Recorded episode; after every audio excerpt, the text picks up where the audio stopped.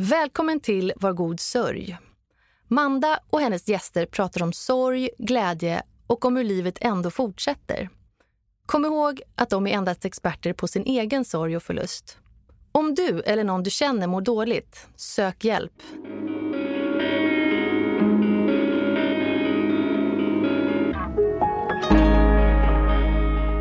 Jag heter Manda Ersgård och är mamma, barnmorska, journalist och, ja, tyvärr änka. Vintern 2019 knackade döden på min dörr. Brutalt och helt oväntat förlorade jag min man efter hans självmord. Jag upplever att möten med människor i sorg är så tabubelagt och skrämmande att det är lättare att inte prata alls. Så kan vi verkligen inte ha det. Vi måste våga öppna upp för det som skaver och inte alltid är så himla glatt. Jag ska träffa människor som drabbats och dela med sig av sin sorg och förlust i alla dess former. Men viktigast av allt, deras glädje, skratt och igenkänning. Faktum är att sorg faktiskt drabbar alla förr eller senare på ett eller annat vis.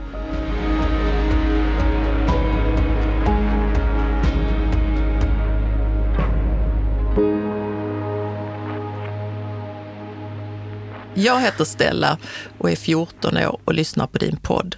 Jag förlorade min mamma i oktober 2022. Jag kom hem från skolan och då var hon död på soffan. Det var en stor sorg för alla i min familj och för mig. Jag skulle gärna vilja prata ut om min upplevelse och hur jag vill att andra ska bemöta mig. Och speciellt hur lärare och kompisar tror att sorgen är över på en vecka. Nu ska ni få höra Stella berätta om dagen hon aldrig kommer att glömma. Hej Stella! Hallå! Hur mår du? Jag mår bra. Är det bra? Ja. Du hade en liten iskall färd hit. Ja, det var väldigt långt att åka. Det var kallt och bussarna var problem och allting. Men det, nu är jag här. Nu är du här. Ja. Känns det okej okay att vara här? Ja. Vi har ju träffats en gång innan på ett mm. café och pratat lite och eh, jag blev jätteglad för ditt mejl. Mm. Och vi har ju pratat om med din pappa, eller jag har pratat med din pappa, ja. att du är här idag. Han fick inte följa med eller? Nej. Nej. Ja, han ligger nog och sover där hemma. han får lyssna sen. Ja. Men du, du har ju varit mm. med om någonting otroligt jobbigt. Ja. Ska vi ta börja med vad som hände? Ja, alltså det började ju ungefär en månad innan dödsfallet. Då vaknade hon upp och var förlamad i halva ansiktet. Och eh, jag låg bara i sängen och vaknade av att hon liksom gick runt och skrek och pappa ringde ambulansen och sånt där. Och så åkte hon in till, jag vet inte om det var Karolinska eller så, alltså, något sjukhus. Och där lades hon in och de undersökte hela hennes kropp. Och hon har alltid varit en väldigt hypokondriker. Alltså hon, så fort hon liksom trampar snett så tror hon att hon har brutit foten. Så det var inte konstigt att hon vaknade upp varje morgon och det var någonting som var fel. Jag tyckte bara det var lite löjligt för jag har ju liksom varit uppvuxen med att hon alltid har varit väldigt hypokondrisk. Så jag var såhär, men nu är det någonting igen. Att hon, hon tror att det är något jättefarligt men det är ju inte det. Och sen efter det så, ja, så lades hon in och de undersökte hela henne. De röntgade kroppen, huvudet, de gjorde alla tester möjligt och de hittade inget fel. Och då sa de bara nej men det var ett migränanfall. Du fick ett extremt migränanfall. Så de gav henne lite alltså, smärtstillanden och sen fick hon åka hem. Och hon sa varje dag till mig nästan att ja, om jag känner att jag behöver åka in eller så då ger du mig de här tabletterna för de är smärtstillande. Så för mig var det bara okej. Okay. men det kommer inte hända något tänkte jag. Och sen då den 18 oktober förra året så vaknade jag som vanligt, jag och pappa. Och hon hade varit sjuk i influensa, tror vi. Och eh, hon hade ett, eh, vad hon trodde själv var borreliabett. Och hon hade skickat in en bild till Kry på det här bettet. Och de sa att nej, men det är bara, det är ingen fara liksom. Du får penicillin, vi kan inte vara säkra på att det är borrelia, men om det är det så här har du penicillin liksom. Så hon tog det där penicillinet på kvällen innan då, då åkte och hämtade det den 17 och tog det på kvällen. Och sen på morgonen så vaknade hon och då låg hon ute i soffan. För hon hade sagt till pappa mitt i natten att nej men jag går ut och lägger mig i soffan för jag fryser. Så då gick hon ut och la sig där och hon ville ha extra täcke så hon vaknade av det. Så pappa fick gå och kolla henne. Och han var lite orolig har han sagt nu i efterhand. Att han var lite orolig angående att det skulle vara någonting. Så han gick upp alltså en gång extra för att kolla medan hon sov så att allt var okej. Och sen på morgonen så sa vi bara ah, hej då. Jag åker till skolan nu och pappa åkte till jobbet. Och eh, mamma jobbade hemma. Jag vet inte om hon skulle jobba den här dagen eller inte. För hon var ju sjuk. Men eh, då så sa jag så här, men ska jag ta kaninerna? För vi har utkaniner. Och eh, då sa hon att nej, nej men jag, jag, fixar dem. Jag ska ändå gå ut och gå sen. Så då trodde jag och pappa att okej, hon, hon är frisk liksom om hon ändå ska ut och gå. Då är det ingen fara. Men sen åkte vi hemifrån.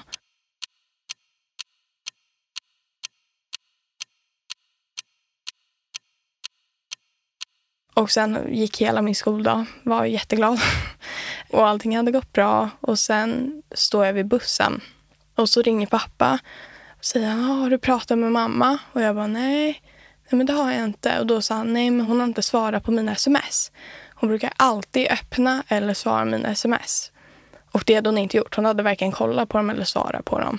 Så att det var väldigt ovanligt för att vara henne. Hon brukar alltid skriva, ah, nej men jag är i möte, jag kan inte svara. Men det gjorde hon inte då.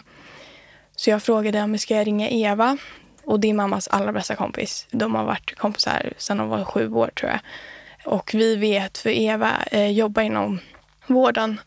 För vi vet att varje gång det var någonting med mamma så sa hon det till Eva. Så Eva fick så bedöma om det var farligt eller inte. Så då så frågade jag, men ska jag ringa Eva och fråga om hon har åkt dit eller något? Då sa pappa, nej men så långt behöver vi inte ta det. Hon ligger säkert bara och sover liksom. Så jag eh, tar bussen och sen ringde pappa mig igen och sa, är du hemma? Då sa jag nej. Eh, och då märkte jag också att han började bli väldigt orolig. Han var ju riktigt liksom, alltså han började bli rädd. Så jag gick av bussen och han vet hur lång tid det tar att gå till bussen. Och jag ringde mamma och så sa och liksom lämna hur många röstmeddelanden som helst. Och bara, du är så taskig, du vet att det är kallt, du vet att det är snö. Alltså jag, var, jag var helt... Jag var så arg för att hon inte kunde hämta mig. För det var precis då det började bli kallt. Och hon hade lovat att hämta mig på morgonen. Och det är en väldigt lång väg också. Så jag fick traska där och ringde min kompis och sa att ah, nej, mamma har inte svarat. Och då sa hon, nej men Stella det är lugnt, hon kommer inte vara död på köksgolvet, det är chill. För jag är också väldigt nervös. Om de har sagt att de ska vara hemma vid halv nio och de inte är hemma vid ja, typ kvart i nio, då blir jag, alltså då blir jag riktigt rädd. Så jag, jag sa det, nej men jo men jag vet, det är ingen fara. Ja, och sen så gick jag hela den där vägen. Det tog riktigt lång tid, det var så jäkla kallt också. Och sen går jag upp för vår lilla utetrappa och vi har, alltså vårt vardagsrum är inlett i glasfönster. Så att man ser allt, alltså man ser rakt in i vårt vardagsrum. Och då ser jag att mamma ligger på soffan. Eh, och så ser jag hur hon liksom har lite av ena ögat öppet. Då kände jag så här, nej det här är inte bra. Men hon var ju blind på det ögat också. Så tänkte jag, okej okay, men det är ju bara det. För jag har sett henne sova med det ögat öppet väldigt många gånger tidigare. Så jag var så här, men då är det, då är det lugnt. Ja, och sen knackade jag stenhårt på rutan. Och hon reagerar inte ens. Alltså jag ser henne inte röra sig. Och jag kollar in och försöker se om hennes bröstkorg åker upp och ner. Men jag ser ingenting. För jag, det var kallt också så jag stod där och skakade. Och sen gick jag runt huset och skulle hämta vår utenyckel. Vår extranyckel. Och då när jag öppnade så märkte jag att dörren redan var öppen. Och det är så olikt mamma. Alltså hon låste alltid. Om hon skulle ut till kaninerna så var det liksom att hon låste. Det var alltid. Då kände jag att nej det här är inte bra. Så då gick jag in i ja, vardagsrummet och då såg jag att hon låg där på soffan. Och så sa jag så här till henne, nu får du fan gå upp. För nu har jag gått hela den här vägen för att du bara inte svarar i din telefon. Eh, men då reagerade hon ju inte. Så jag tänkte, okej, okay, har hon svimmat? Så jag såg till henne på kinden inte så hårt men det var en liten... Alltså om hon hade svimmat så hade hon ändå reagerat på det. Så jag eh, slog till henne lite på kinden bara sådär. Och sen eh, efter det så... Alltså jag har en liten så minneslucka. Men jag kommer ihåg att då ringde jag pappa för han var ju så nervös. Och jag visste inte vad jag skulle göra. Så jag ringde pappa och sa jag vet inte om hon andas eller inte. Men jag konstaterade att hon inte andades eftersom att hon inte reagerade. Och han bara ring ambulans. Så jag går ut, för jag vill vara säker på att hon inte andas innan vi liksom ringer ambulansen. För det är, då stör man ambulansen liksom, om de ska åka ända ut hit. Nej, det ska de inte behöva göra i onödan. Så jag går ut i hallen och kommer tillbaka för att se om något har ändrats. Och så skriker jag liksom, om du skämtar med mig nu. Alltså nu ringer ambulansen och om du skämtar, då är jag som får skit för din skull. Alltså jag var så jäkla sur. Och sen så kommer jag tillbaka och så ser jag att ingenting har ändrats i hennes ansikte eller någonting. Så då ringer jag ambulansen.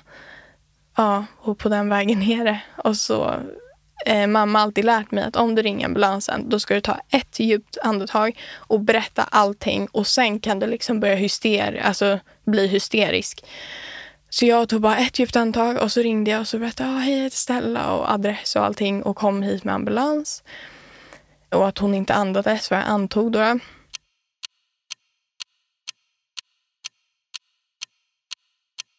De kom dit, jag eh, sprang ut. Men innan det också så sa ju den här ambulanspersonalen att nej men eh, lägg ner henne på golvet, du måste göra hjärt och lungräddning. Och jag sa till henne nej, jag, jag, kan, jag vill inte röra henne, jag vill inte kolla på henne, jag vill inte göra någonting. Alltså jag vill inte förstöra någonting om hon bara är medvetslös och sånt där. Så jag eh, vägrade och hon sa nej men du, du måste. Och jag sa nej jag vägrar. Jag är 14 år. Jag vet det här kommer att vara trauma om jag inte lyckas rädda henne. Liksom. Så jag vägrar. Och då sa hon det. Ah, nej, men, har ni en hjärtstartare någonstans? Och då kom jag på att grannen bredvid mig har en hjärtstartare. Så jag kutade över till honom. Och så skrek jag på mamma andas inte, hon ligger på golvet. Eller något sånt där, jag kommer inte ihåg. Och han bara sprang, han sket i hjärtstarten för han trodde förmodligen att jag hade varit hemma och så hade hon bara liksom så här harklat eller liksom så. Så att jag, eh, ja, jag sprang över dit, han drog ner henne på golvet och då sa han då liksom att ja, nej men eh, jag tror det är för sent till personalen. Och jag gick bara in i mitt rum och skrek för jag vägrade kolla på någonting. Och sen kommer ambulanspersonalen och eh, de går så långsamt. Alltså de var så dåliga på sitt jobb när det angår att liksom, de anhöriga. För de visste väl att hon redan var död. De, jag inte hade varit där på åtta timmar. Hon liksom låg på soffan. Och de går där i trappan och bara Berra, hörde du? Eller vad de nu sa, jag kommer inte ihåg vad de heter. Och då, jag blev så arg för de gick så långsamt och tog hjärtstarten och gick så långsamt. Så jag sa till dem att liksom, nu skyndar ni jävla idioter. Alltså jag var så arg på dem.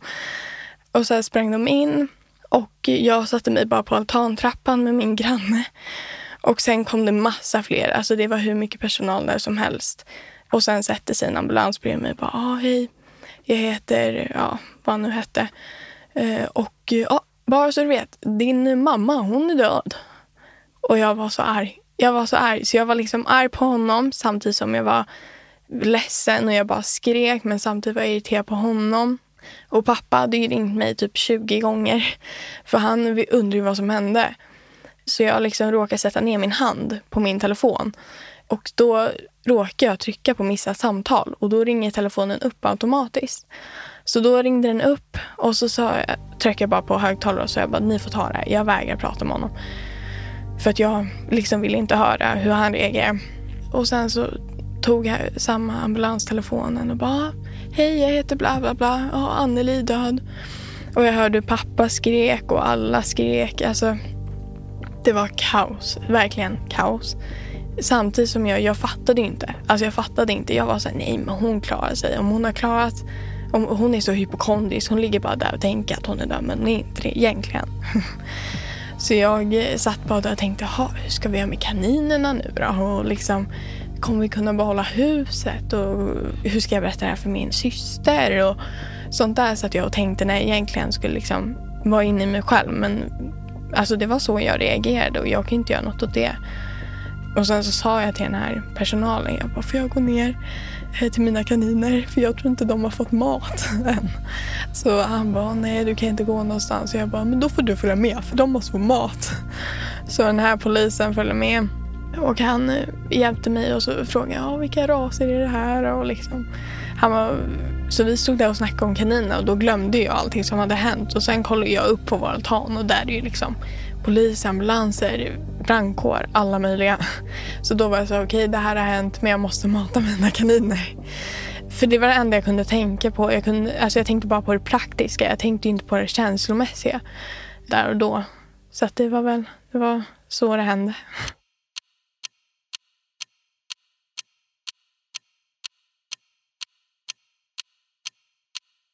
Tänkte du någon gång, undrar du över vad som hade hänt? Nej, inte där och då. Alltså det har jag gjort nu i efterhand. Och vi vet ju att från obduktionen har de sagt att det är, alltså det är plötslig vuxendöd. Vi kan inte säga vad det var. Hennes hjärta bara la av. Men just där och då tänkte jag, alltså jag visste ju vad som hade hänt för jag var ju där först på plats. Så jag visste att ingen annan kunde veta mer än mig.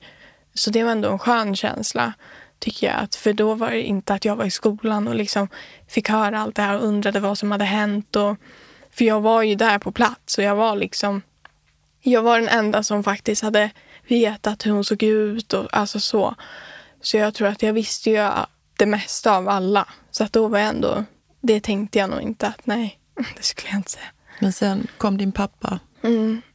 Och då, han hade ju kört lite olagligt. Han hade kört lite fort på motorvägen och så. Och eh, alltså han bara satte sig bredvid mig. Vi bara grät. Jag kom ju hem vid fyra och vi fick inte åka hemifrån förrän åtta. Så att vi bara satt där på trappen och sen sa de väl vid halv åtta, nu får ni gå in om ni vill. Eh, hon kommer ligga där på golvet. Och det första jag frågade var, hon stängde ögon? Och den här kvinnan bara, ja det har hon. Jag bara, okej, okay, men då går jag in. Så din pappa hade inte fått, han fick inte ens gå in på de fyra timmarna? Nej, alltså han kom ju bara dit och han ville ju gå in i huset direkt. Men han fick inte göra det. Polisen stoppade honom så han satt sig bara utanför mig och satt vi och grät. Och sen kom det någon och tog mig på axeln bara, nu får du gå in om du vill. Eller ja, pappa också då. Så då gick vi in och så satte vi oss där och kollade på henne och liksom, alltså vi bara grät. Men jag fattade ingenting så jag kollade mest ut i fönstret. Liksom, vad har hänt? Och så jag var så hungrig. Så jag satt där och bara, ska jag kanske käka någonting? Nej, vi har inte så mycket i kyl. Alltså jag tänkte helt sjuka grejer nu egentligen. Men där och då fattade inte jag. Så att det var, ja, det var så jag reagerade. Och folk är ju jätte, alltså vissa är ju så här, men hur gud hade ni en dålig relation? Hur kan du inte reagera så starkt? Jag var så här, men det just i det där ögonblicket. Man tänker inte, alltså man bara förnekar det på något sätt. Så att det var väl nog det jag tänker på i efterhand nu att ja, det kanske jag inte skulle gjort. Jag kanske skulle suttit där och tagit min tid med henne men jag kunde ju inte gjort något annat liksom. Så då satt jag och pappa där och sen ringde pappa, min syster och min moster och min mormor. Och då sa min moster Elin att alla kom hit alla kom hit, punkt slut liksom. Så vi åkte hem till henne och eh, alla satt där vid ett bord och bara grät och jag fattade ingenting. Jag var så här, varför sitter alla här och gråter? Och sen när vi gick ut från bilen till trappan så såg min syster där och vi har alltid haft en ganska, alltså vi har haft syskonkärlek deluxe. Alltså vi har haft väldigt hård syskonkärlek. Vi har bråkat väldigt mycket men vi älskar varandra såklart. Men då stod hon där och vi bara kramades och liksom vi har aldrig kramats tror jag, egentligen. Så att det var också ett så stort minne som jag ändå kommer ihåg. Och sen så gick jag in där och jag såg en mormor, morfar, alltså min kusin. Alla satt bara och grät och kollade på mig. Och jag visste inte vad jag skulle göra så jag satte mig i soffan. De hade beställt pizza. Så jag satte mig i soffan, tog en pizzaslice och bara var tyst tills någon frågade liksom, vad hände. För vi måste få veta. Så då berättade jag allt och alla bara satt och grät. Och jag sa det, det känns som att jag lever i en dröm, alltså en mardröm. Och att jag kommer vakna upp imorgon och liksom ingenting har hänt. Så att det var väldigt känslosamt var det. Och alla satt och grät, men jag kunde nästan inte gråta. Både för att jag var så jäkla trött. Jag ville bara gå upp och sova. Och för att jag, jag fattade inte. Alltså jag förstod inte. Jag bara såhär, varför sitter alla här och gråter?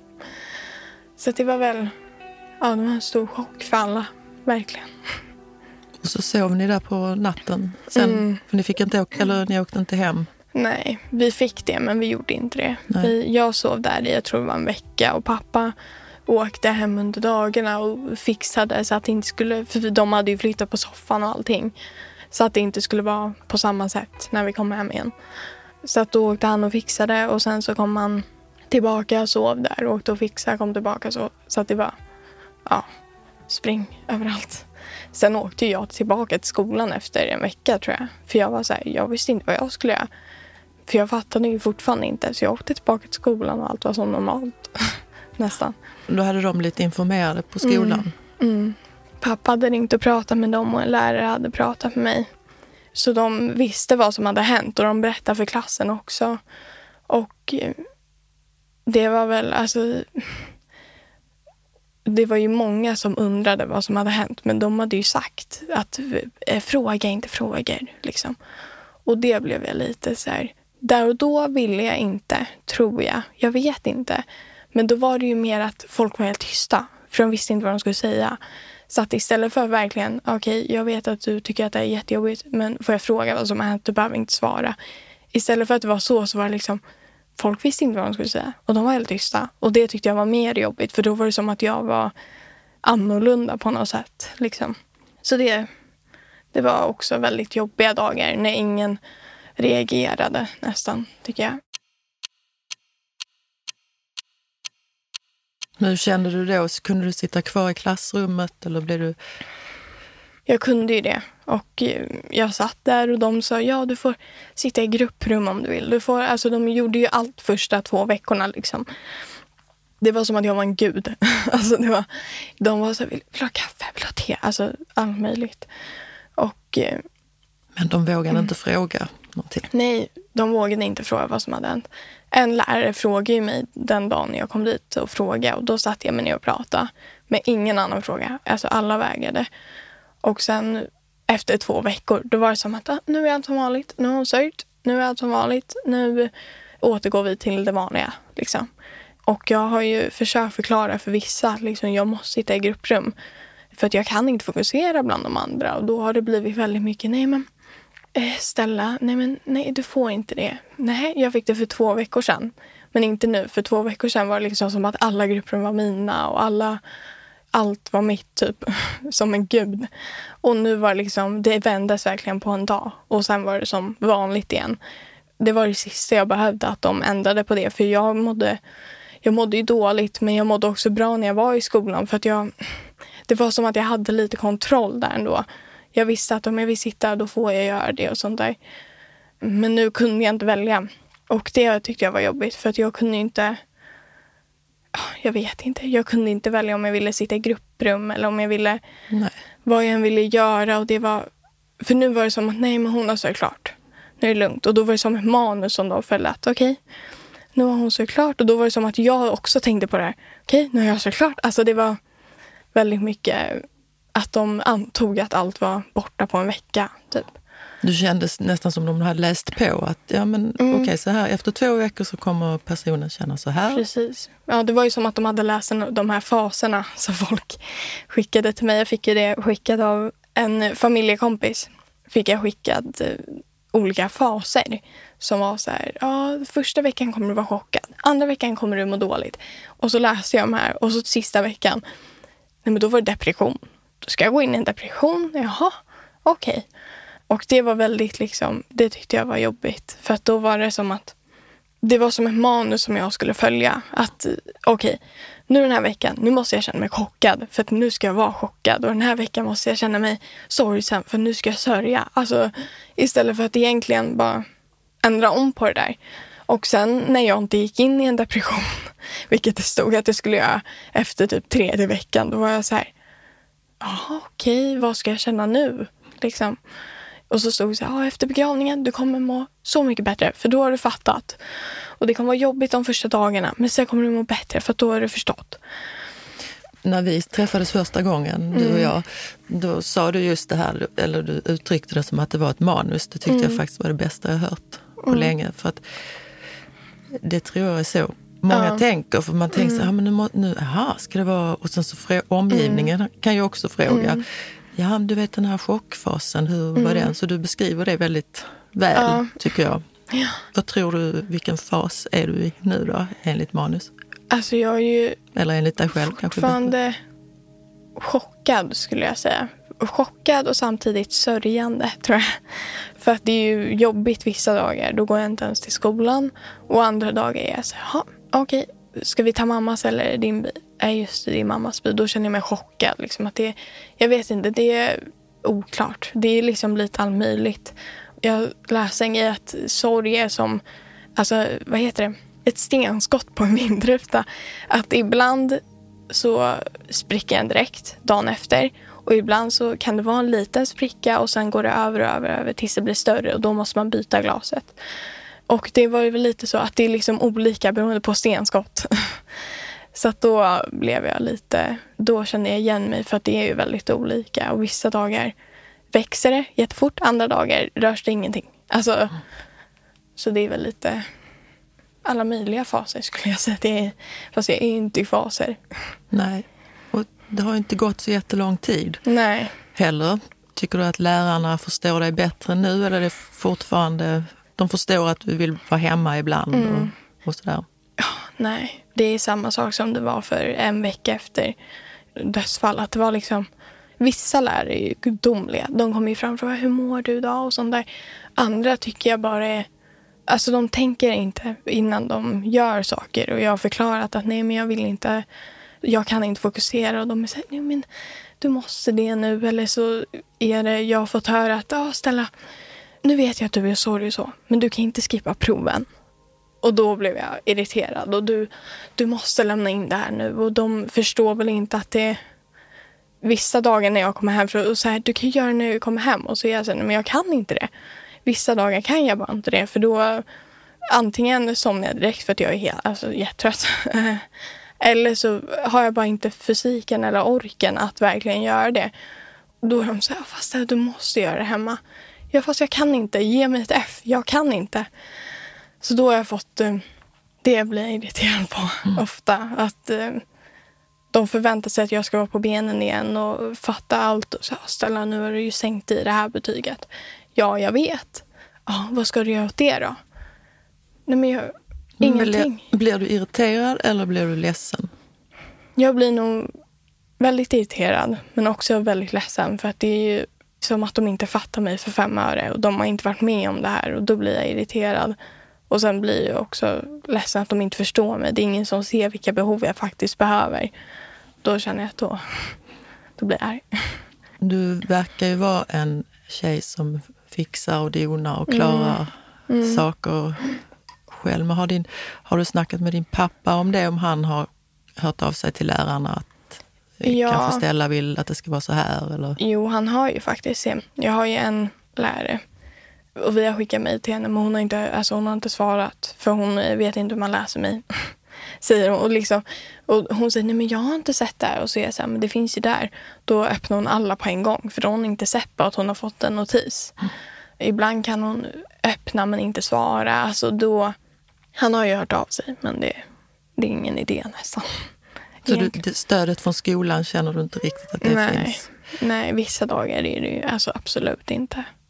Och dina jag- kompisar? Mm. Jo, alltså dagen mamma dog, då kommer jag ihåg det. För jag hade en bästa kompis då, nu är inte vi lika bra vänner. Men eh, då ringde hon mig. Alltså, för jag var inne i kaninerna, jag var inne i hur ska vi göra med bilen? Alltså. Så då ringde jag henne. Men hon svarade inte, så jag ringde hennes mamma. Så jag sa hej, alltså nu är det så här, mamma har dött. Kan du be Kajsa svara?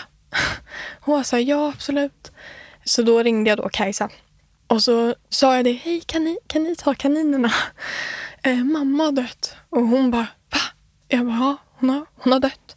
Nej du skojar. Och det var liksom, hennes reaktion var nog den bästa jag fått av en kompis. Hon tänkte först bara absolut. Jag tar, alltså hon fattade hur jag tänkte och hon, hon sa också till mig att ska vi komma dit? För hon är den kompisen som bor närmast mig. Ska jag åka till dig? Vi kan hämta dig, vi kan göra här.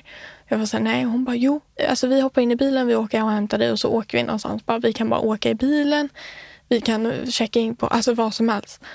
Och jag sa ju, till slut sa jag liksom strängt nej. Men det var ändå att hon var den enda som, eller hon var inte den enda, men hon var den liksom som ändå var så här, jag finns här för dig fysiskt också. För de andra var så här, jag finns alltid här för dig. Men det var ingen som frågade om, alltså hon var väl den som reagerade bäst skulle jag säga. För de andra sa det psykiskt väldigt mycket, men hon var liksom den fysiska som var så här, jag finns här, du åker hit, du kan göra det här. Medan de andra är så här, åh gullig dig, nej men du är så söt. Och då blev jag så här, nej, för ja. Så ibland finns ju stödet hos kompisar. Och absolut, mina andra kompisar har varit helt gudomliga liksom. Efter jag kom hem från min moster, när jag hade varit där en vecka då, då var det liksom en påse på trappen och eh, där i var det massa grejer som jag gillade. Alltså det var hur mycket som helst. Så jag satt liksom där på kvällen och käkade fyra kilo godis. Så att det var väldigt... Eh, alltså de flesta har ju funnits där väldigt mycket medan andra har väl reagerar på sitt sätt. Men det har inte funkat hos mig och det har jag stört mig på ibland. Att det är så här, hon var så fin människa fast du träffade henne aldrig. Alltså det, och då blir det liksom som att jag känner att eh, det är inte min sorg jag ska fokusera på. Det är de andra som säger hon var så fin människa. Jag är så ledsen. Ja, okej. Okay. Jag är också ledsen och du kände inte ens henne och då blir det som att de känner mer än mig. Och så det... då måste du krama om dem? Precis. Och det blir mycket så att det är liksom på begravningen också. Jag, var, alltså, jag fattade ingenting så jag bara gick runt, hängde med mina kompisar. Jag gick runt och kramade mammas gamla kollegor och sånt där. Och visst, där och då var det ju bra men jag har ju tänkt på det nu i efterhand att det var, jag var ju bara där för dem. Alltså jag tänkte ingenting på mig själv. Och det blir som att när de sitter där också. Du är så söt, du är så modig, du är så duktig. Då blir det som att jag ska liksom, ja, men, fixa dem och bara, ah, tack. Vad ska jag säga till det? Och ah, du är så modig. Eller det, den har jag också fått höra. Ah, snälla, du hade ju inte kunnat göra något annorlunda. Du gjorde ju allt du kunde. Som att det är en självklarhet att jag är missnöjd med det jag gjorde den kvällen. Vilket jag inte är, för jag vet att jag hade inte kunnat göra något annat. Och jag gjorde det jag klarade av själv också. Men det har ju blivit mycket att um, som att det är en självklarhet att jag är besviken på mig själv. Och det, vissa är ju så att ah, jag önskar jag hade kunnat göra något bättre. Men jag har inte sagt det. Jag har inte uttryckt det. Och då blir jag irriterad när de säger det. Att, ah, nej, men, duktig, du var så modig. Ah, vad, vad skulle jag göra? Alltså, vad skulle du vilja att de sa istället? Ja, nej men helst ingenting om den situationen. För de vet ju innerst inne inte vad som har hänt. Och vissa har ju sagt till mig, vissa som inte ens har pratat med mig om det och inte ens vet vad som har hänt har ju sagt liksom oh, du var så modig Stella. Och jag är så här, du visste inte ens att jag var där. och då blir jag, och du, du är så stark. Ja, för att jag måste vara det. Det är inte så att jag sitter här och, åh oh, gud, nu, jag kan välja att vara halvt deprimerad och jag kan välja att vara stark och så. Men jag väljer att vara stark. Alltså det, är det jag det är väl lite så att de säger väldigt oklara grejer som jag kan sitta i efterhand och bara, vad pratar ni om? Ni visste inte vad som hände och du vet inte hur stark jag är egentligen. Då blir det också när de säger så första veckan, åh du är så stark. Då är det som att jag ska hålla uppe det. Att åh, nu måste jag vara stark hela, hela tiden. För det är det de tror om mig. Då kan jag också bli väldigt... Alltså jag blir typ ledsen. För att det är som att jag måste hålla uppe mitt humör hela, hela, hela tiden. Och så blir de förvånade när jag inte gör det så är mina kompisar också ibland att jag har varit första veckan efter mammas död, men då var jag glad. Men nu mår jag dåligt. Men det kan inte vissa förstå för att det är inte på deras karta. Liksom. Hon mådde ju bra första veckan, varför kan hon inte må bra nu? Vissa fattar ju inte att man är i olika steg. Liksom. Och det, på något sätt så låter det också som när du berättar att det blir lite lättare för dem. Mm. Om du bara är som du. Ja men det är samma gamla vanliga mm ställa här nu igen. Mm. Det var i oktober förra ja. året. Vad blev mm. det? Det är alltså... Sex månader sedan ungefär. Har du på något sätt kunnat landa i, i dina känslor? Ja, alltså jag har ju tänkt det många gånger nej men hon är bara ute på jobbresa. Eller hon är bara där, hon kommer tillbaka sen. Men jag har ju märkt att hon gör inte det och det har väl jag börjat förstå. Och jag har verkligen försökt att ta hand om mig själv också. Men vissa dagar så fattar jag ingenting. Så jag säger okej, okay, vad har hänt egentligen? Just det, nej men gud, hon har ju dött. Och andra dagar kan jag bara ligga och gråta för att hon har dött. Så det är väldigt, vissa känslor har landat i väldigt mycket och andra inte. Tillåter du dig själv att gråta? Ja, det gör jag. Jag gråter inte så mycket inför andra människor. Men det är bara sån jag Alltså jag är inte en sån person. Och det är inte pappa heller, det vet jag ju. Så jag har väl ärvt det från honom. Men jag gråter inte så mycket själv heller. För att jag är inte så person. Jag sitter hellre och pratar om okej, okay, glada minnen. Jag fick glada dagar med henne. Jag är tacksam för det istället för att sitta där och jag hade kunnat göra annorlunda. Eller, alltså så. Jag vet att jag hade inte kunnat göra det. Det som är gjort är gjort.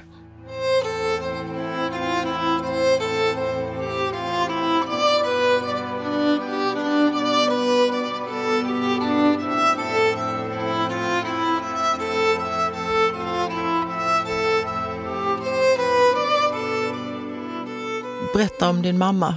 Ja, hon var ju väldigt eh, härlig människa.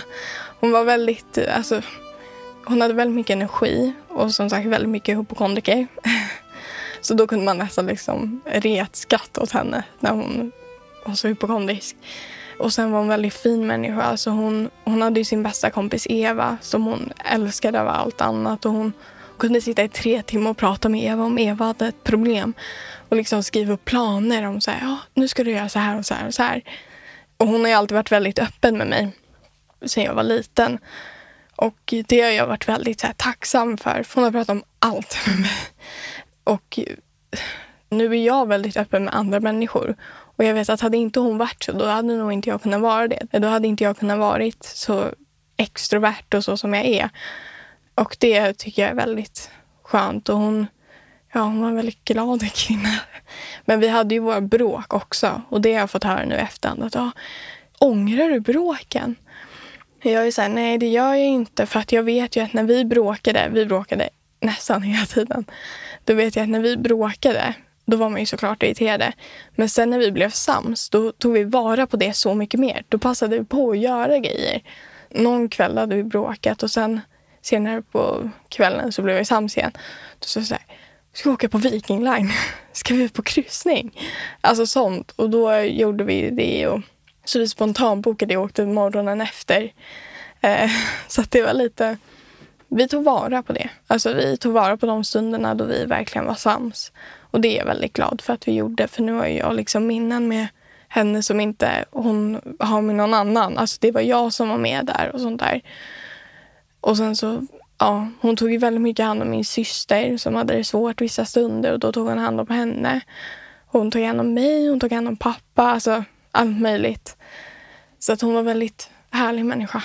Det känns som att du har, du har ärvt ja, de jag försöker. Dina egenskaperna. Ja. Men jag vet att hon hade en maträtt som hon gillar mycket. Som ja, ni inte quinoa. äter mer.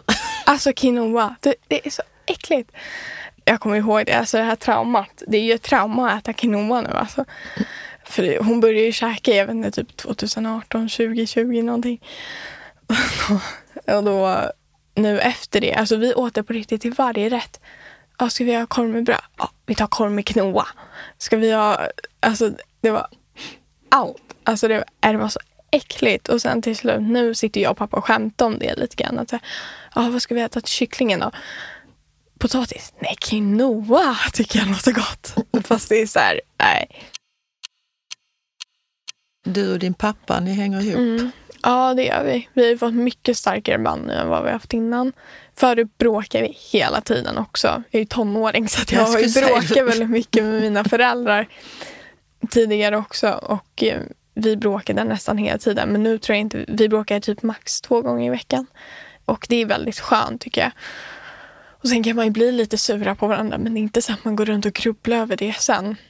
Ja, vi kollar på våra program vi gillar och alltså vi käkar det vi tycker om och passar på när det är kväll och pappa brukar alltid säga ja, ställa, för vi, det är ju det som Susanne sa i tidigare avsnitt att till slut kan man inte känna några andra känslor.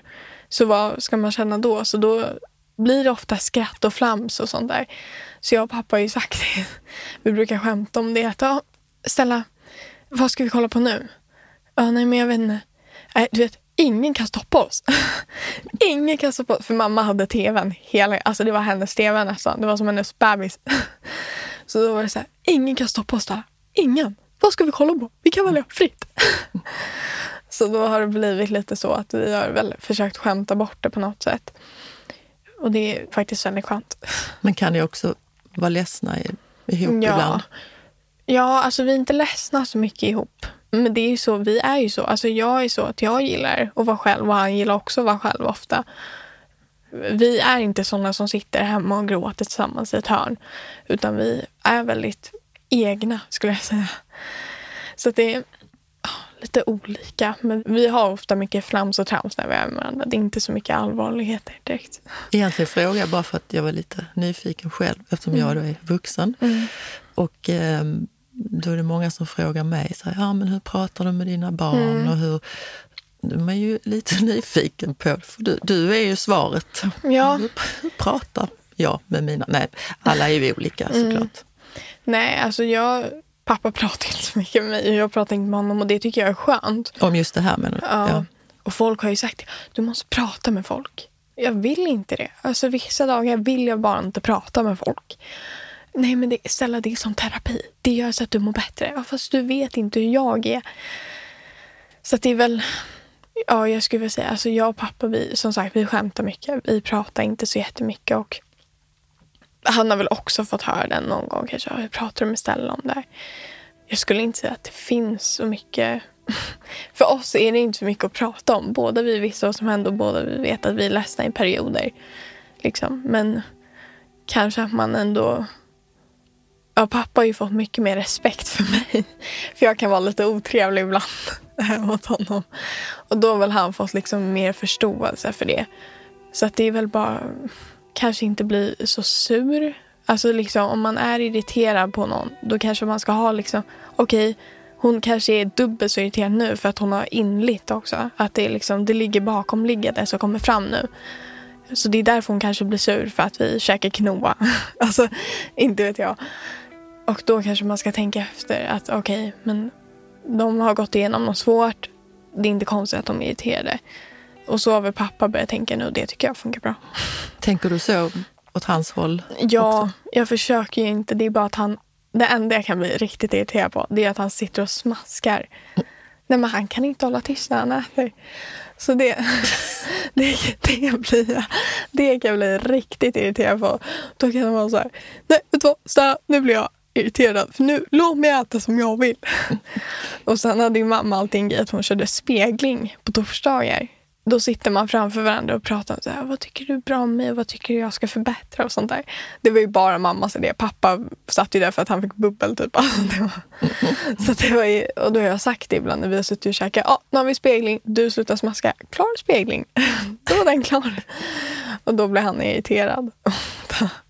Men det ja, det är olika hur man pratar med sina barn och det finns ju ingen manus på det heller. Alltså Såklart, man, det nej. finns inte. Men du, vad, um, vad saknar du allra mest med mm. din mamma? Oh, jag vet inte. Alltså, vi hade ju våra kaniner tillsammans. Ja, de måste vi ju prata om. Ja. De har ju lite roliga namn också. Ja. Nej, men vi hade våra kaniner tillsammans och eh, vi hade några när jag var liten. Och sen när vi flyttade hit så var mamma så här, så här nu skaffar vi kaniner. Och då gjorde vi det. Och så tog vi ungar på dem i somras och sånt där också. Så vi fick massa bebisar. Så gulligt. Och då kan jag väl sakna att det var liksom vår grej. Vi tog hand om de här kaninerna tillsammans. Och för vissa är det bara så här, ställa det är bara kaniner liksom. Men för mig var det ju liksom en del att, för hon var så intresserad av det. Och jag med. Alltså jag tyckte det var kul och det kan jag väl sakna. Att nu varje gång jag går ner så blir jag lite så här, ja okej. Nu måste jag fixa, alltså jag fixar ju allt med dem nu hela, hela tiden. Och det kan jag bli lite så, för det var ju vår grej att vi tog upp en kanin och satt med dem eh, båda två liksom satt bredvid varandra och pratade samtidigt som vi satt och klappade dem och klippte klon tillsammans. Och det kan jag sakna väldigt mycket. Vi hade en förut som, eh, nu var vi tvungna att avliva honom förut. De hette ju Mickan och Fredde för att det var Solsidan. så att det, de Ja, så de heter Mickan och Fredde och så behöll vi en liten bebis som heter Tupp. Men sen dog Fredde så nu har vi bara Mickan och Tupp. Så det rimmar inte lika bra men det, det får funka. det funkar ja. Minns du vad du pratade om sista gången med din mamma? Nej, det är det. Jag har tänkt på det i efterhand. Så här. Alltså hur var den andra kvällen? Säkert bråkade vi. det hade inte förvånat mig. Och så här, hur var den sista kvällen? Jag kommer inte ihåg en vecka och bakåt. Alltså jag kommer inte ihåg någonting om vad vi pratade om. Jag vet ju att jag har några videos på min telefon. Och några bilder och sånt där på när vi står och lagar mat och vi tar en bild liksom. Och då är jag så okej, okay, där står vi och lagar mat. Men jag kommer inte ihåg alls. Alltså ingenting. Men jag är glad över att, för på morgonen där, jag brukar ofta vara väldigt arg på morgonen. Och då, det brukade ofta bli lite tjafs där på morgonen. Men just den här morgonen blev det inte det. Utan hon var så här, kan du ge mig min telefon? Jag bara okej. Okay. Jag tjafsade inte emot liksom. Och det är jag glad över nu. Att det var ändå en hyfsat lugn morgon. Och det var inte något bråk. För då hade jag nog haft mer skuldkänslor om jag hade åkt därifrån med bråk och sen kom jag hem. Liksom. Du sa innan, så nämnde du begravningen. Att alla liksom, du kände mm. att de mm. tyckte lite synd om dig. Och, mm. Känner du det att släkt och sådär, att mm. du har mm. fått ta deras sorg med? Att det varit lite svårt att försörja själv? Ja, det tycker jag. Det var ju, som sagt på begravningen, då var det ju väldigt... Jag vet inte hur man ska säga, men alltså, det var ju mycket sorg. Var det ju. Och det var väldigt många som satt och grät och sånt där. Och jag vet att jag kom in där och så satt jag och grät. Men sen var jag så här, okej, okay, nu måste jag hålla koll på pappa eller nu måste jag ha koll på mina syster eller vilka som helst så att inte de svimmar eller vad, alltså vad som helst. Och sen på fikat efter, för man har ju ibland det. Så på fikat efter då satt jag där och folk kom fram till mig och bara grät. Och jag hade nyss suttit och pratat om liksom Kim Kardashian med mina kompisar. Alltså det var... Och då kände jag okej okay, nu måste jag ta hand om den här personen. Okej, okay, hur mår du? Är allt bra? Alltså, och då kände jag väl att det var nästan som att jag var där för deras skull. Så att de skulle kolla så att jag var okej. Och se så att jag var lugn liksom. Så att det var väldigt konstigt. Alltså konstig känsla att vara där för någon annans skull. När det egentligen är mig själv jag ska vara där för. Ja, och sen så har ju du och din mamma verkar ha haft en väldigt så här, humoristisk och glad trots, ja. trots bråk. Men du ja. sa ju det själv, du är tonåring. Mm. Bråk har man ju alltid.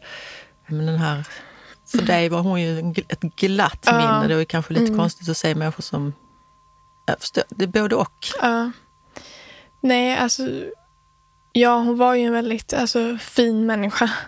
Och för många var det ju så, hon var så fin Stella, hon var så gullig. Och så kom de fram till mig och bara, hon hade så bra humor. Och det var som jag sa innan, att de kände knappt henne.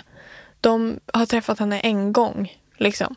Och då blev jag också så här, varför säger du det till mig om du inte ens vet hon var? Sånt kunde också göra mig riktigt alltså, arg när jag satt och tänkte på att så här, du visste inte ens vem hon var. Varför sitter du och beskriver henne framför mig när jag redan vet? Men ja, vi hade ju en väldigt humoristisk relation, jag och hon. Och det är väl det också, för det var ingen som kom fram till mig, som, alltså förutom familjen då. Det var ingen så här kollegor och så ja, hon var så humoristisk och det tycker jag var skönt. För då var det liksom, det var min känsla att jag visste att hon var humoristisk. Det visste inte de andra. För de kände inte henne lika bra. Och det är väl taskigt att säga egentligen men det, för mig var det skönt. Att så här, det var min och hennes, mina syskons grej. Att hon hade väldigt mycket humor och sånt där. Det var vår känsla liksom. Och det är ju därför vi sitter här och pratar mm. idag till ja. exempel. För att människor har ju väldigt, det är ju svårt mm. att komma fram till någon och speciellt då tänker jag att du fortfarande är ett barn och veta, mm. tänk om jag säger fel mm. nu, tänk om hon blir ledsen eller tänk om... Nej, men jag har ju fått höra det från en kompis speciellt och hon sagt att Stella vad hände? Eller nej, du behöver inte berätta. Och det har varit liksom som förbjudet att berätta vad som har hänt och det har varit väldigt... Det är som att de, nej men de ska inte fråga för det gör man inte.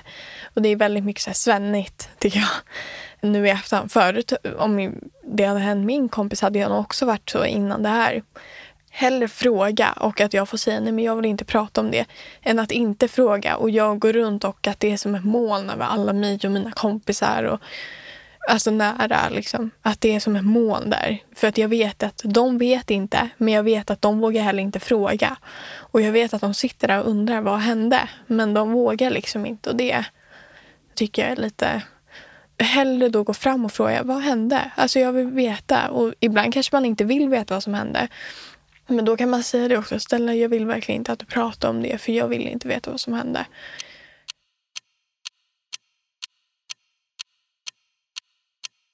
Vad är liksom bäst hjälp för dig? Mm. Jag vet att du går till eh, Randiga huset Ja, som ju är en, vad ska man säga, en organisation som tar Mm. emot både barn och föräldrar. Man kan ha enskilda möten, man kan Mm. ha möten ihop, man kan ha möten med andra barn. Precis, man kan ha möten med alltså gruppmöten där det är andra i ens ålder. Och sen kan man ha enskilda. Och sen kan man bjuda med föräldrarna om man vill. Men jag tror inte de har föräldrasamtal. Nej, Men de, de är väldigt bra där skulle jag säga. mm, du verkar gilla dem. Ja, Men när det, vi träffades sist då hade du gått på enskilda samtal tror jag. ja, det har jag fortfarande bara gjort. De har ju sagt till mig att jag kanske ska börja på så här gruppgrej. Vad heter det? Grupp...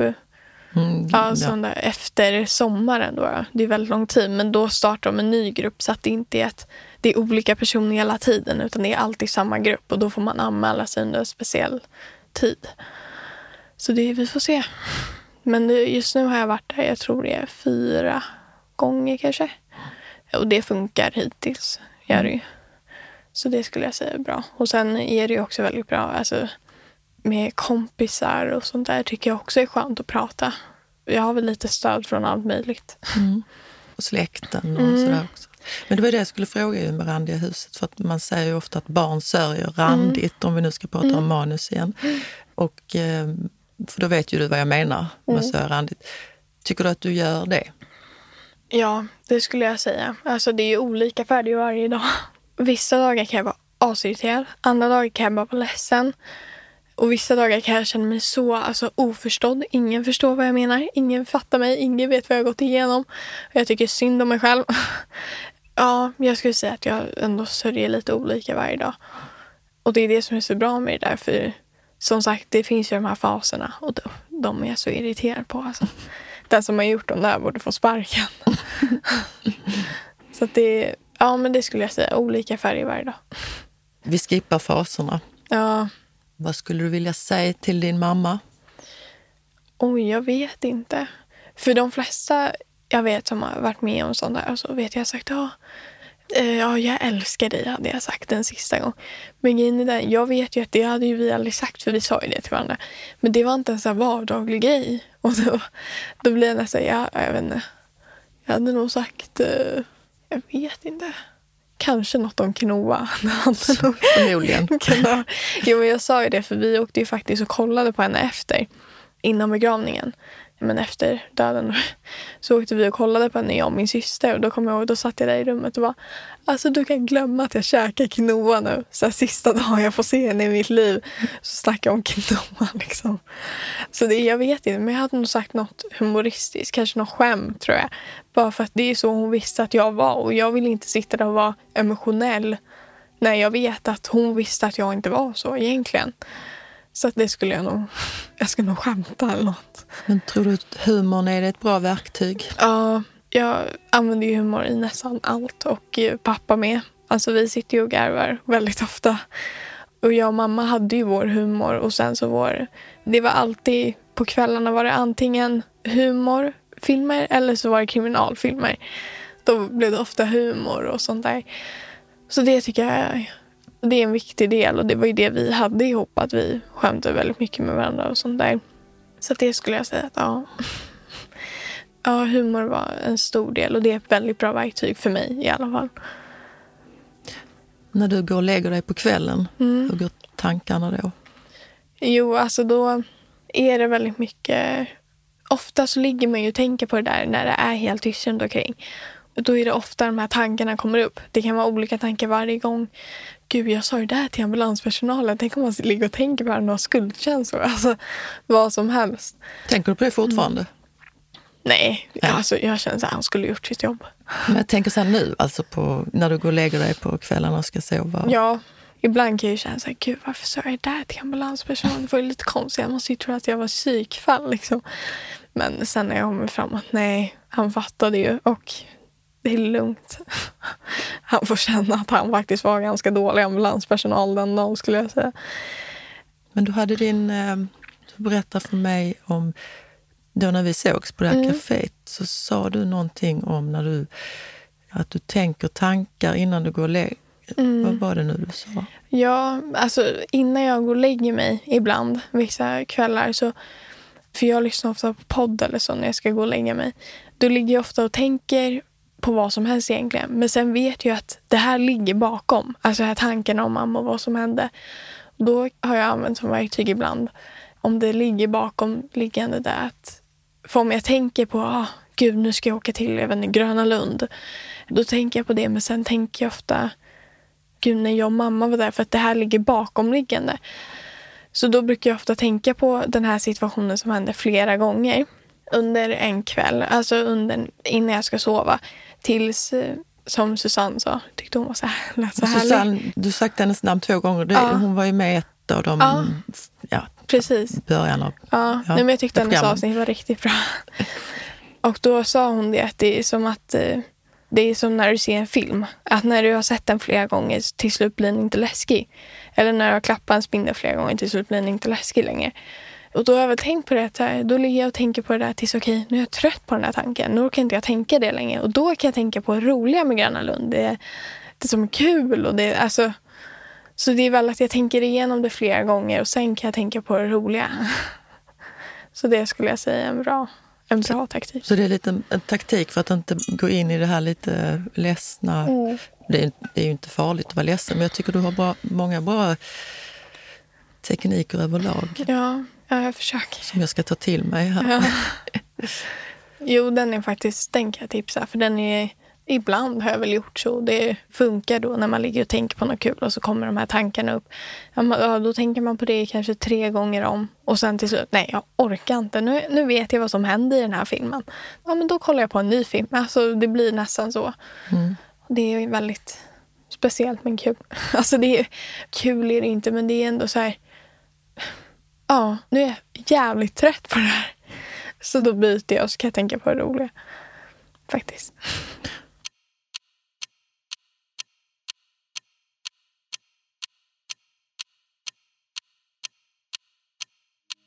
Jag vet att du, du, du har nämnt flera gånger det här med att, såna ord som man inte ska säga. Du är duktig mm. och du är modig. Och när ja. vi träffades sist och frågade får man lov att säga att du... det skrev jag ju i svar till dig när mm. du hade att du var modig. Mm. Det kändes ju dumt nu. Men det tyckte jag att du var. Som ja. Vi känner ju inte varandra. Så, men eh, då pratade vi om det. Mm. Och då sa du till mig, ja det är lite omodernt. Nej, men, ja. ja. jo, det är väldigt liksom...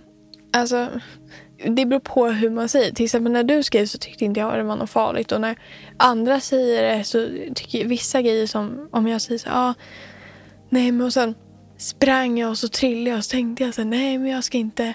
Men sen ändå kämpade jag mig upp. Alltså sånt tycker jag är, ja oh, oh, gud vad du var modig då. Det tycker jag det är okej liksom, alltså vad man säger. Men när folk säger så ja. Ah, och sen och så berättar jag hela den här historien. Men snälla du är så modig. Du gjorde allt du kunde. Du är så modig. Då blir jag så här, okej, okay, nu är det jag som ska sitta och ta hand om den här personen. För att hon tycker att jag är modig eller han och hon, tycker, äh, hon eller han tycker att jag är modig. Och då blir det som att jag ska ta hand om den personen för att den tycker synd om mig och då ska jag krama om den. Och vissa, alltså, ja, modig är ett litet omodernt ord. Mm, okay. I vissa sammanhang tycker jag det. Då blir det väldigt mycket så här, gud vad du är modig. Du är så fin. Alltså man kan säga nästan vilket annat ord som helst. Men inte modig? Nej, för Nej, det, det, blir, men det blir som att det är liksom som att jag är en på jorden som har gjort det här. Och gud vad jag är modig. Så jag åkte till månen. Shit vad han är modig. Men många andra har varit med om det här. Och det är som att, som sagt, det är som att det är manus de läser. Alltså okej, okay, nu ska jag säga att hon är modig. Eller nu ska jag säga att hon är stark. Även fast de kanske inte innerligt tycker det. Eller vad, alltså vad som helst. Tycker du att vi eh, är dåliga på det här med att prata sorg? Tycker du att det skulle vara typ ett ämne i skolan? kanske inte ja. ska heta sorg. Nu, vad har ni för ämne? Vi har sorg nu. Ja. Eller, jag vet inte. Men att, att, man lärde sig lite mer om det i skolan. Ja, alltså att man lärde sig kanske att... För de flesta är ju så att de tror att det är samma sak hela, hela tiden. För alla, ah, nej men när min morfar gick bort då tänkte jag på det. Jag kunde inte vara i skolan på ett år. Och sen så har jag fått höra. Liksom. Men för alla är det olika. Och vissa förstår ju inte att man känner olika hela tiden. Alltså det skulle jag kunna prata i år om. För det blir jag väldigt arg på. Att ingen har lärt om det. Liksom. Att vissa dagar är jag skitarg. Och då bara för att jag var glad första veckan när mamma dog, då betyder det inte att jag ska vara glad hela tiden. Och då blir de så här förvånade. Men gud, hon är arg eller hon är ledsen idag. Då blir jag irriterad på det. Att de fattar liksom inte att det är... Jag fattade inte heller det innan. Men det är, ja, man kanske ska lära ut lite mer om det. Att för... det är inte samma för alla. Nej, jag tänkte, du skrattar ju mycket och sådär. Mm. Och när du skrattar i skolan får du liksom lite vad ska man säga? För då, oj, nej, jag kanske inte ska skratta nu. Mm. För att jag, eller vad tror du om det? Eller hur tänker du? Jo, men det var ju det. När jag berättade för en person i min klass eh, allt som hade hänt, för han satt och undrade, då berättade jag allt. Och då sa jag efter, jaha, ska vi fortsätta med vad vi nu gjorde liksom? Nej men gud, är du inte ledsen? Och då var jag så här, Jo, jo, det är klart jag är jätteledsen. Jag är jätte, jätteledsen. Alltså det var nästan som att det var så här, jag måste försvara mig själv. Och jag har ju tänkt, gud, folk kanske trodde att hon slog mig. Eller alltså så hemska grejer för att jag inte reagerar på ett speciellt sätt. Ja, så det är vissa gånger känner jag det att så här, jag kanske inte ska förklara det sådär för då tror de att jag är konstig, att jag inte känner mer. Och det är också precis det efter att jag har ju fått de kommentarerna också. Att, Gud, hade ni en dålig relation och så? Det kommer nog mycket från det också, tror jag. Faktiskt. Jag har inte ens tänkt på att det är så man kan tänka också. Nej. Ja. Om du skulle ge så tre tips till människor? Mm. Oj, jag vet inte. Nej, det förstår jag eftersom frågan kommer så här kastad på dig. Men uh, alltså, för mm. nu varje person är ju unik mm. och du har din sorg på ditt sätt, din pappa är på sitt sätt. Men... Mm. Och sen är det ju olika faser mm. igen. Pratar vi, nu pratar jag inte om de faserna, Nej. utan här, i början så... Hur tänkte jag nu? Att du blev behandlad olika. Mm. mm. Men just det ja. att människor tar för givet att Nej, men nu är hon ju glad. Så, men... Jo, precis. Och det var liksom... Jag skulle nog ge tipset att bara för att de reagerar på så första veckan så betyder inte att man mår så hela, hela tiden. Och det är väldigt, som sagt, stor grej. För det har ju varit en stor grej för mig i alla fall. Att folk tror att jag ska vara glad för att jag var glad första veckan. Och för att jag kanske reagerar på ett skämt som någon har dragit om mamma så tycker jag att det är okej att man skämtar om vad som helst om henne. Liksom. Det kan folk tänka på mer. Mm. Kanske. Och liksom Ja, som sagt att jag inte är glad hela tiden. Det är typ det enda tipset jag har tror jag. Att ja, men bemöta som att det, man kan vara på vilket humör som helst den dagen. Alltså man får bemöta personen som den är då, inte som den var för två veckor sedan. Kanske. För det har jag känt mycket. Att här, jag var glad igår eller jag var ledsen igår. Okej. Och så bemöter de mig så här, hur mår du idag? Hur mår du? Jag vet att du är ledsen. Nej, men idag är jag glad. Va? Så det är väldigt liksom, det är olika. Hur är det med kramar då? Tycker du det är okej? Ja, det tycker jag är okej. Och sen var det mycket när min lärare berättade för klassen eller vad som helst. Och andra har fått veta det har varit så här, gud, får jag ge dig en kram? Får jag göra det här? Och jag är så här, som att det inte kommer naturligt. För vissa känner ju att, ja nej, men jag vill att de frågar innan att, ja, får jag ge en kram eller vad som helst. Men för mig har det varit att, nej men jag vill inte att du, alltså, jag vill att du alltså, gör det bara och sen kan du känna skuldkänslor efter eller vad du nu än gör. Men för mig spelar det ingen roll för att jag kramar typ 500 olika personer per dag. Eh, och jag tycker, för mig tycker jag att det är okej. Och på begravningen också, då kommer alla fram och kramar mig. Och det tyckte jag var, alltså för mig var det inget problem. Där är man ju också jätteolika. Mm. Alltså sen tar jag mig till mig olika av olika kramar också. Så om jag kramade pappa på begravningen, ja, men vi kramas varje dag. det är inget problem. Men sen är det också mammas gamla kollega. Det var så starkt minne jag hade från begravningen. När jag satt på mammas kontor när jag var liten, han var chef för nu, nu är han panschis. Men när jag satt på hennes kontor när jag var liten, då så träffade jag alltid honom. Och när han gick pension så gjorde jag ett litet schema åt honom när jag var typ åtta. Och så här, det här ska du göra idag. Äta fika. Och idag ska du kolla på hockey. Alltså sån där. Och då kommer jag ihåg, för jag har så starka minnen av honom. Då kom han fram i tårar och kramade mig. Och det, alltså jag var förstörd efter. För jag tyckte det var så fint. Samtidigt som liksom, ja men pappas kram, okej, vi kramas varje dag. Jättegulligt. Men... Berätta om begravningen. Ja. det var en fin begravning. Vi har inte urnsatt henne än. Nej. Och det har jag varit irriterad på i min familj och det har varit, jag har varit väldigt arg faktiskt. För att det, när hon, innan hon skulle bli begravas så sa de att ah, nej, men, vi kommer ha begravning nu. Men sen kommer hon, så hade vi det i november hade vi begravning.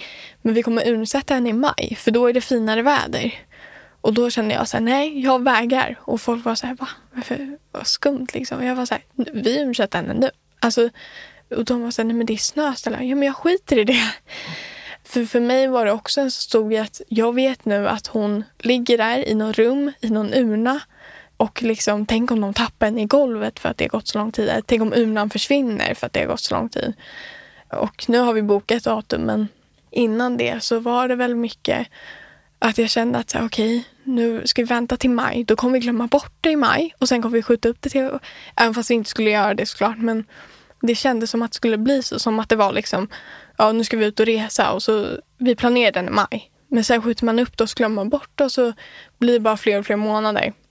Och då blev jag sånt, och då blev jag ganska ledsen faktiskt för att då visste jag så okej okay, bara hon inte blir bortglömd nu, att vi glömmer bort att undsätta henne. då blev jag ganska, men nu har vi fixat datum. För då hade vi inget konkret datum heller och det var ju också en stor grej för att det var som sagt, då skulle man bara skjuta upp det hela tiden och boka det där datumet. Och till slut skulle hon liksom ligga där i ett lager i 500 år. alltså. Jag tror också att du kanske vill ha en plats att gå till. Mm. Att det är lite... Ja, det har jag också tänkt på. att Det är ju det att jag, jag har liksom ingen... Nu visst, jag kan ju sitta och prata med en tavla eller vad som helst. Men jag har som sagt, jag har ingen plats. Alltså, och jag tror att om hon bara får en grav, då tror jag att då kommer det vara liksom okej, okay, där är hon nu. Då är hon alltid där. Men nu, nu har jag tänkt så här, shit, ligger hon i ett lager nu i någon frys? Alltså det, det känns så konstigt. Så då, ja, jag tror då kommer det bli som att det är en speciell plats. Och som att den är tillägnad åt henne nästan. Så jag längtar till översättningen faktiskt. Förstår det. Ja, ja. ja. Tack så mycket Stella mm. för att du kom hit och jag hoppas att du kan komma hit en gång till sen ja. kanske om ja, om ett tag. Ja, får se. får vi höra om allt. Ja, absolut. Tack. Okay. Tack så mycket.